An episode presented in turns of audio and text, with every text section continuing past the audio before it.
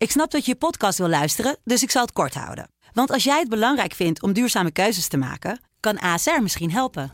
Nou hoor ik je denken, hoe dan? Nou, bijvoorbeeld bij het duurzaam herstellen van schade. Of de premies die we beleggen volgens ons duurzaam beleggingsbeleid. Dat bepaalt waar we wel en juist niet in investeren. Wil je meer weten over welke duurzame keuzes ASR maakt? Ga dan naar asr.nl/slash duurzame keuzes. ASR doet het. Zo, dan kan je nu lekker naar je podcast luisteren.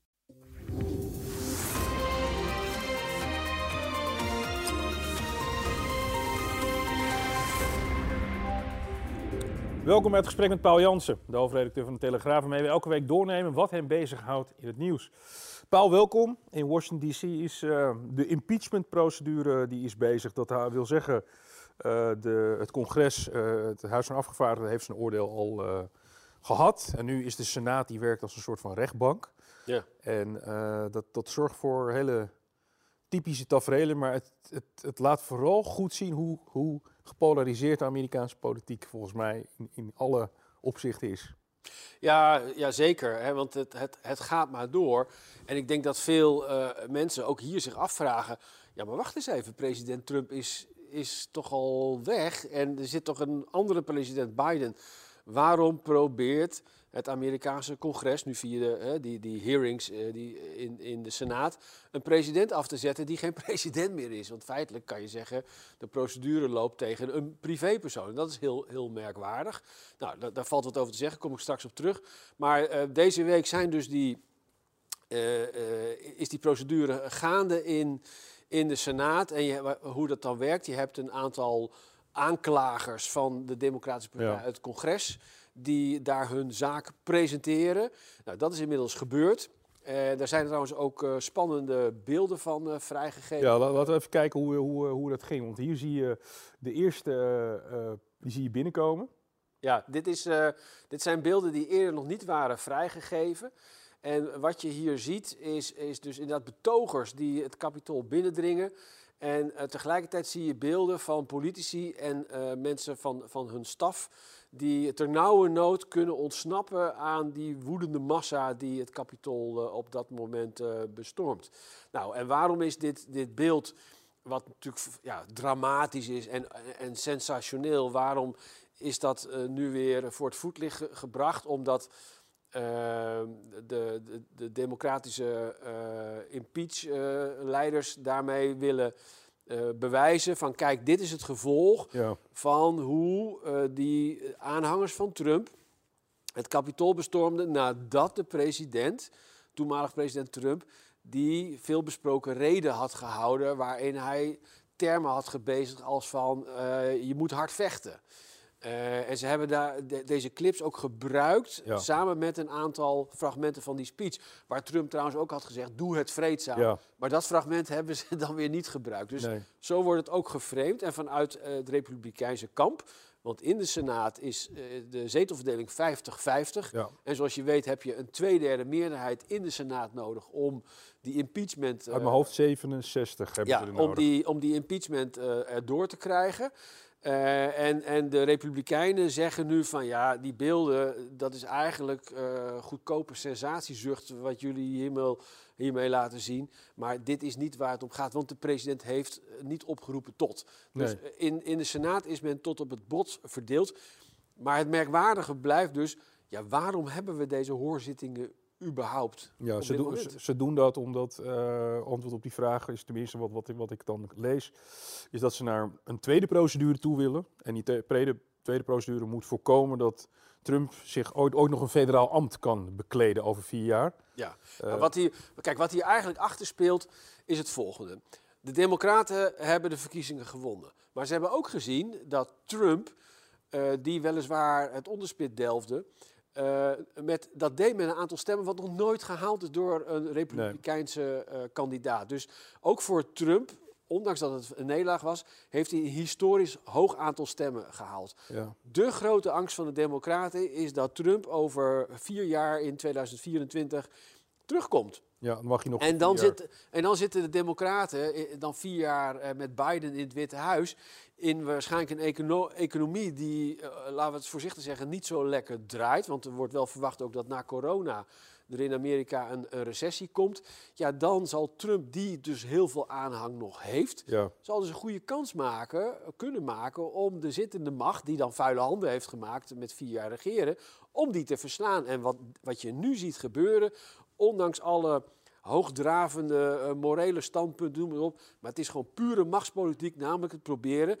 de gevaarlijkste Ja. eh, eh, kracht van het republikeinse kamp tegen de democraten, om die voor eens en altijd uit te schakelen. Maar is, Nou, dat, is, dat, is dat een slechte zaak als je ziet waar het op uit heeft gedraaid? Want dit, dit zijn natuurlijk linksom of rechtsom wat je ervan vindt. Het is natuurlijk een historische situatie dat aanhangers het congres bestormen, wat geloof ik alleen een, een, een, eeuw daarvoor is, eh, is, is gebeurd. Ja, nou, eh, kijk, eh, Trump is een malotige president geweest die hele rare dingen heeft gedaan.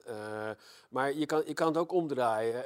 Hij is geen president geweest die een nieuwe wereldoorlog is begonnen, om maar eens wat te zeggen. Nee. Weet je? En de presidenten voor hem kunnen dat niet hem allemaal eh, nazeggen met, met in- invasies in Irak. eh, de geheime oorlog van, eh, van Obama met allerlei drones. Ja.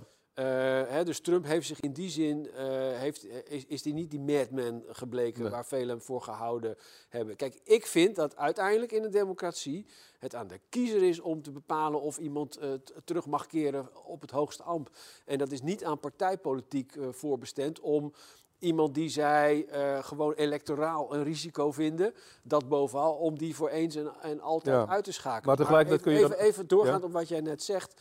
Kijk, de procedure die nu loopt, impeachment, daar heb je twee derde meerderheid voor nodig. Nou, het is kansloos dat dat het gaat redden. Waarom is de Democraten zijn nu dus al bezig het, aan het doorschakelen aan volgende procedure? Ja. Dat gaat erom dat ze een beroep doen op het 14e amendement. En dat luidt dat iemand die eh, eh, heeft aangezet tot rebellie of, een- of een eh, rebellion tegen Amerika geen federaal ambt mag Ja. kleden. En dat is nog een, een amendement uit de tijd van de burgeroorlog notabene. En die willen de democraten nu dan inzetten. Waarom? Want dan hebben ze geen tweederde meerderheid nodig om het geslaagd te krijgen. Maar 60 stemmen van Ja. die 100 zitten waarschijnlijk nog steeds niet in Nee. dat het gaat lukken. Maar je ziet daarmee, dan, dan is die, hè, want ze hebben dan 10, demo, eh, 10 republikeinse stemmen nodig in plaats van 17. Dan is de marge al kleiner. Want het is bekend dat er een paar republikeinen zijn die, die op zijn minst twijfelen. Ja, ja, want er is een heel klein beetje, er is, er is een beetje opstand hè, in die Republikeinse Partij. Maar even ingaan op wat jij net zegt. Je had het over ehm, partijpolitiek moet dat niet be- bepalen, maar de kiezer. Tegelijkertijd heeft er een president gezeten die het helemaal niet eens was met het oordeel van de kiezers en via allerlei complottheorieën het verkiezingsresultaat bestreed. Zeker. Maar die president is toch wel gewoon afgetreden, of niet dan? Hij is, hij is afgetreden, Ja, maar en- met, met, en- met het nodige gekletter. Eh, met het nodige eh, gekletter. En hij heeft ook dingen gedaan eh, waarvan jij en ik denken van... Hè, met, met, met dubieuze telefoontjes van ja, dit, dit kan gewoon niet. Ja, hij heeft natuurlijk wel die reden gehouden waarop die bestorming van het Capitool eh, volgde, die, die, ja, die, eh, die, ja, die ongekend was. Ja. Eh, maar uiteindelijk vind ik wel dat de kiezer.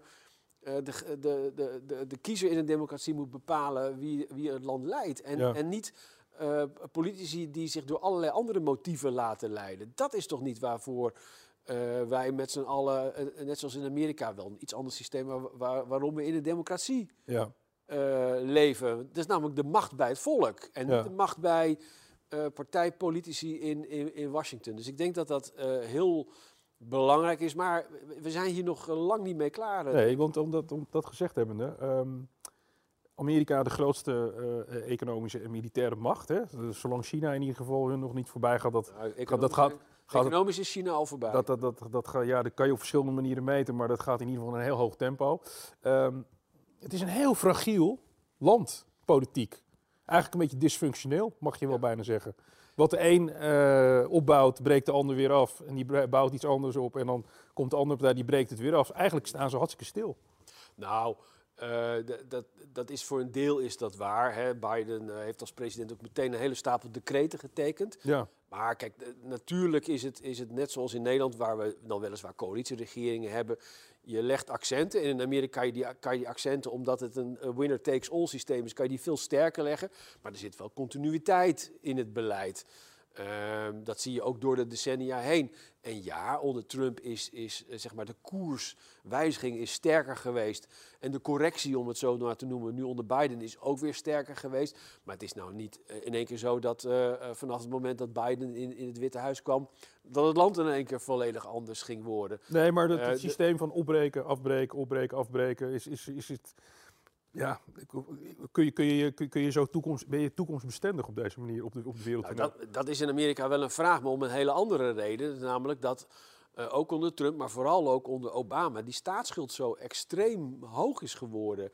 En als je uh, de voorspellingen ziet voor de komende 10, 20 jaar, uh, hoe die staatsschuld blijft exploderen, ja, dan gaat het, het land eigenlijk, ja, een land kan niet failliet gaan, maar eigenlijk is dan Amerika technisch failliet. Ja. En, en dat is natuurlijk heel gevaarlijk. Aan de andere kant, uh, uh, kijk, als je weer naar het politieke kijkt, dan vraag je je af waarom gaan die Republikeinen, hè, want eh, het presidentschap van Trump heeft ook de Republikeinen wel behoorlijk verscheurd. Ja. Waarom hoor je die, die senatoren van de Republikeinen nou niet sterker om, om te zeggen, wij nemen afstand van Trump? Maar dat is toch omdat ze echt bang zijn dat als de, de, de gevestigde oren van de Republikeinen in Washington afstand neemt van Trump, dat ze dan echt een groot deel van hun kiezers, hun electorale achterban, gaan verliezen. En dat Trump wel misschien met een nieuwe beweging komt, net zoals hij dat in de media heeft aangekondigd. Dus in die zin is de, de invloed van Trump, hoewel die nu een vrij man is en uh, zijn dagen op de golfbaan mag sluiten. Deed hij als president trouwens ook regelmatig. Maar goed, uh, de, de invloed van Trump is nog steeds heel groot. Hij beheerst nog steeds uh, de, de politieke arena, hoewel hij ge formeel geen rol van betekenis meer speelt. En het wordt heel interessant om te kijken hoe dit de komende jaren een vervolg gaat krijgen. Maar alles wijst erop dat de pogingen van de Democraten in de Senaat niet zullen slagen. En dat we dus nog uh, uh, veel van Trump de komende jaren zullen gaan zien. Dankjewel. Graag gedaan.